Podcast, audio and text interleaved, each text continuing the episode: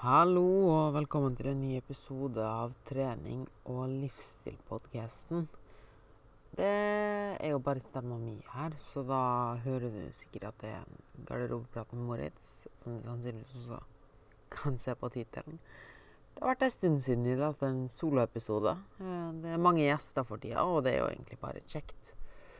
Um, og dette her er jo da episode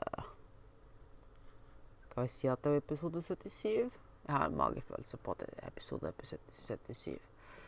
Um, før jeg starter, så vil jeg bare minne deg på at jeg setter veldig stor pris på din feedback og dine tilbakemeldinger. Det hjelper med å gjøre podkasten bedre.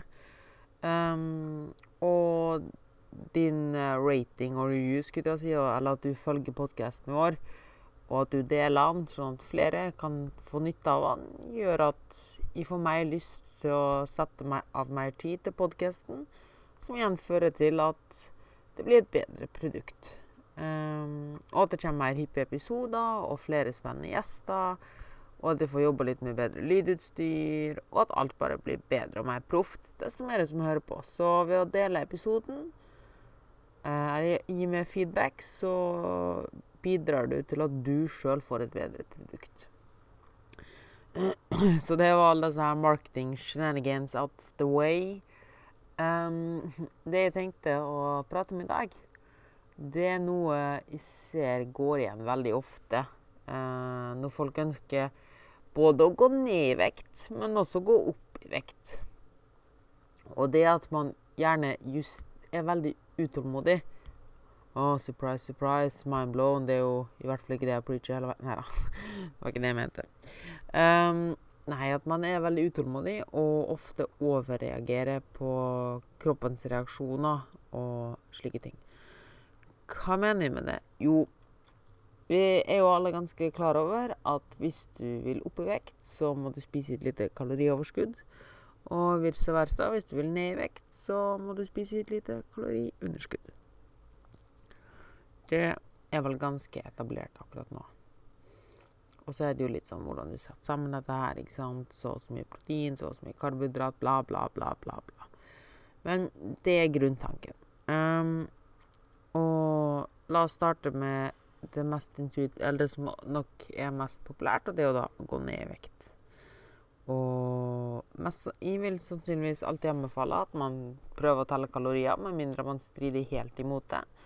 Hvorfor jeg synes det, kan du også høre om i flere andre episoder. Men kort forklart handler det om at den mest Den enklest lett, Mest enkle Mest enkle Blah! Norgesspråk.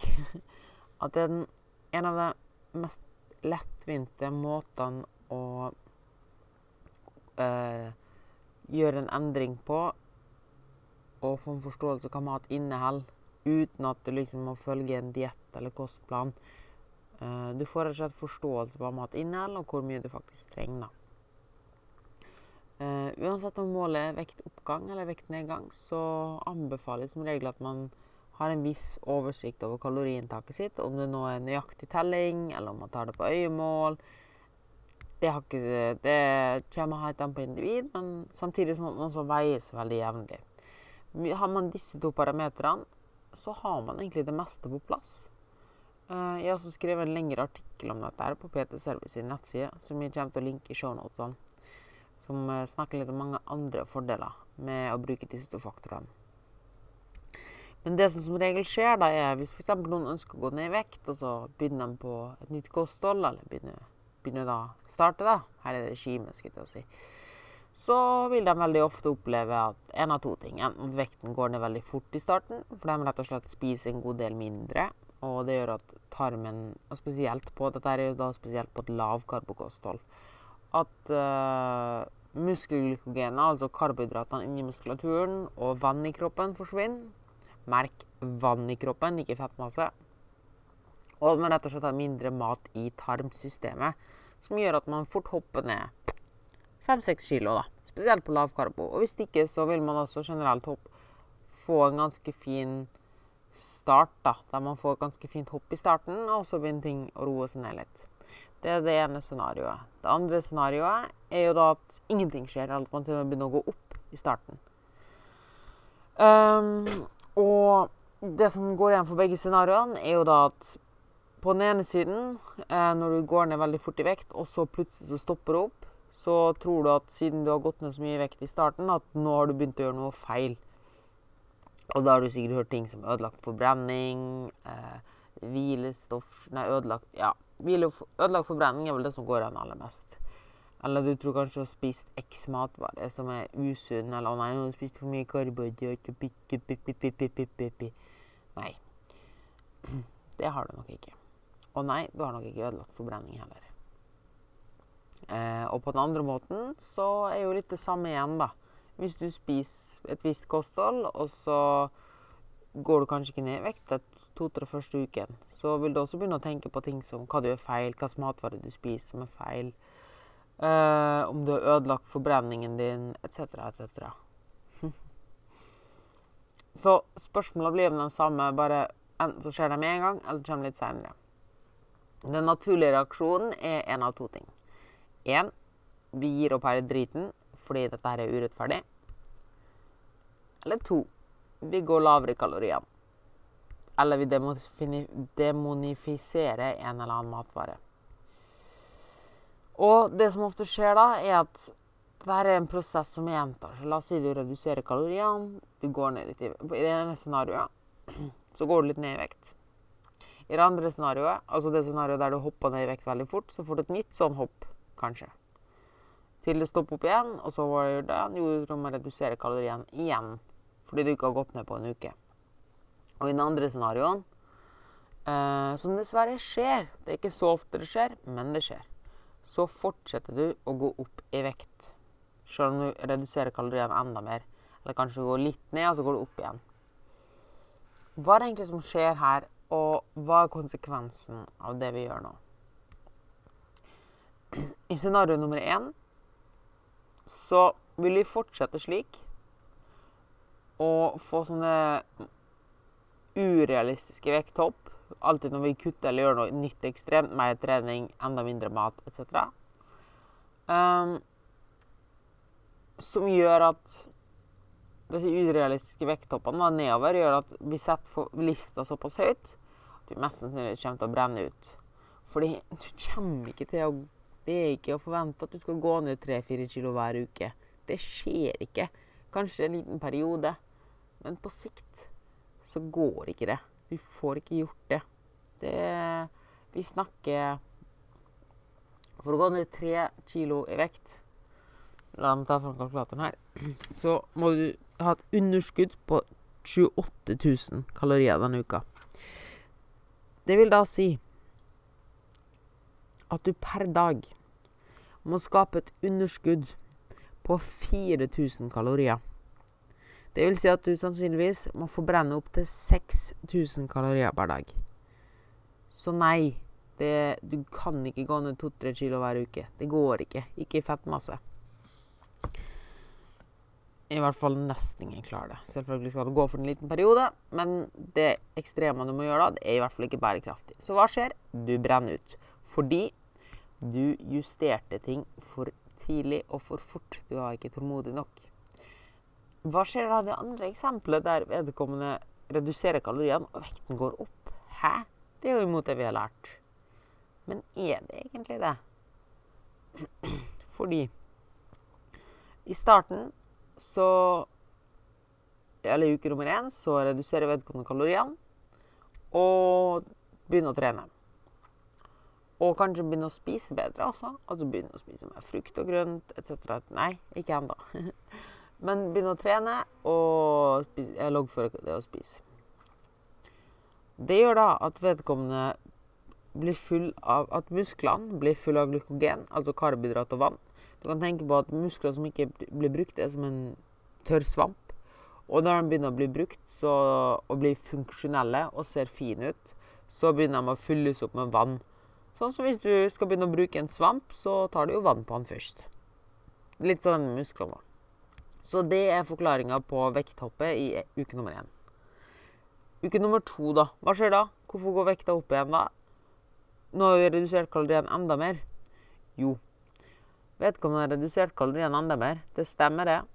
Um, Men nå har du gått så lavt i kaloriene og har begynt å stresse over at du går ned i vekt.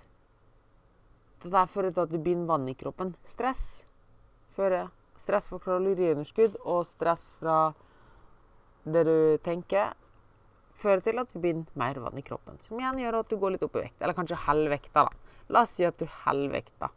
At du ikke går, altså du går ned i fettmasse fordi du har et kaloriunderskudd.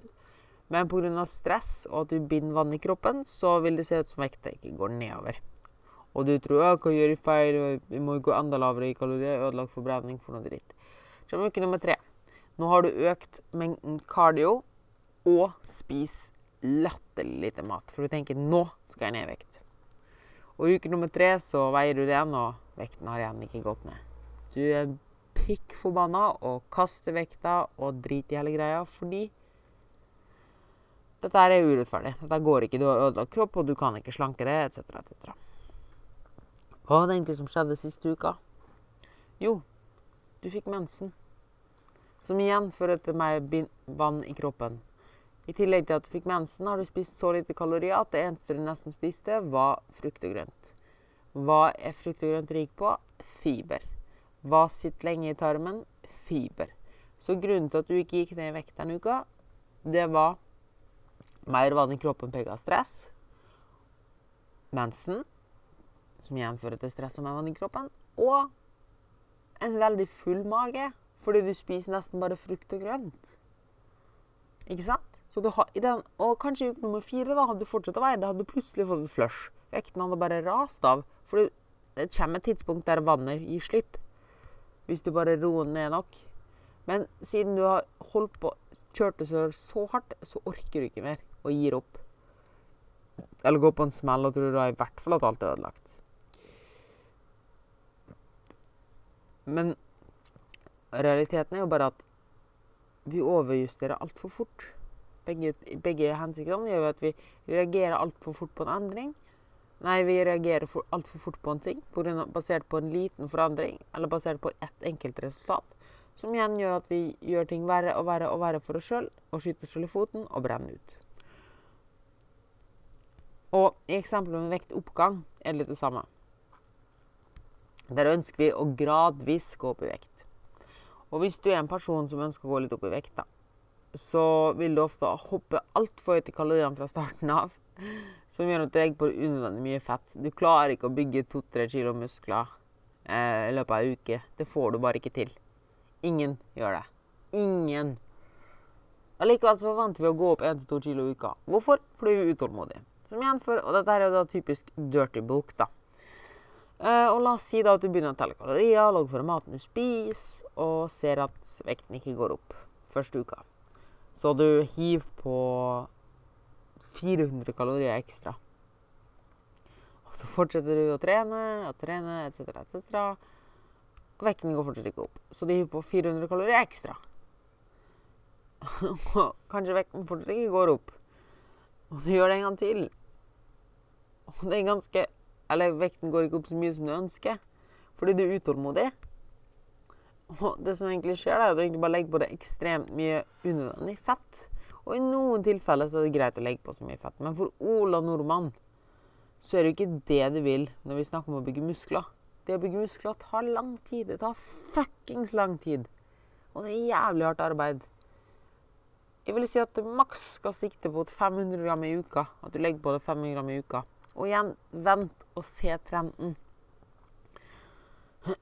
Så en sånn enkel og grei huskeregel, da, er at før du gjør noen som helst eh, justering på kaloriene dine, eller på tinga du gjør, om det er treninga di eller kardioen din, før du gjør noen som helst justering for grunn av at du tror at det i ikke funker,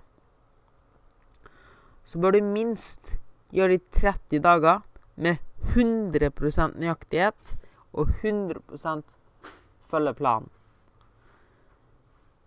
Um, og hvis det ikke funker, og hvis du har gjort det Hvis du med hånda på hjertet kan si at du har gått 30 dager, altså én måned, der du har vært spot on med kaloriene dine, uh, der du har fulgt treningsplanen perfekt, og du fortsatt ikke ser noen forandring, da kan du justere på ting. Om du da går litt opp i kaloriene, litt ned i kaloriene, eller øker mengden trening, det kommer helt an på hva du gjør. Men det som er viktig her, er at du fortsetter med daglig, jevnlig veiing, fortsetter med målingene dine. Alt dette her. At det er ting du bare fortsetter med på eh, kontinuerlig basis. Men først gi, men gi det 30 dager, minst, for å se om det du gjør, har en effekt. Fordi kroppen vår, vi tror at kroppen vår reagerer etter to dager. Det, det er ikke sånn, Eller helst etter to timer. Men det er ikke sånn kroppen må fungere. Punktum. Så takeawayen min for i dag det er at du må lære deg å være mer tålmodig. Og jeg vet at det er dritt, men ærlig talt Hva er en måned eller 30 dager sammenligna med den jojo-slanking-driten eller den legger på så masse fett og litt muskler for å så slanke seg igjen etterpå? Den jojo-driten vi driver på hele veien, som vi har holdt på med i så mange år, da er 30 dager veldig lite. Hvis du trenger hjelp med å få meg is i magen, hvis du trenger hjelp med å komme deg gjennom denne jungelen med kosttilskudd og forskjellige dietter og anbefalinger, eller bare vil vite mer om kosthold eller få hjelp med treninga di, så har jeg fortsatt noen coachingplasser tilgjengelig, spesielt på online-coaching, eller bare på online-coaching, fordi jeg flytter jo nå, så da blir fagansvarlig og leder for PT-service online-coaching. Så ta kontakt med meg, og så kan vi ta en uforpliktende prat. Og med det er det eneste som står igjen å si, er gå og ha en awesome uke. Vi snakkes. Tudelu.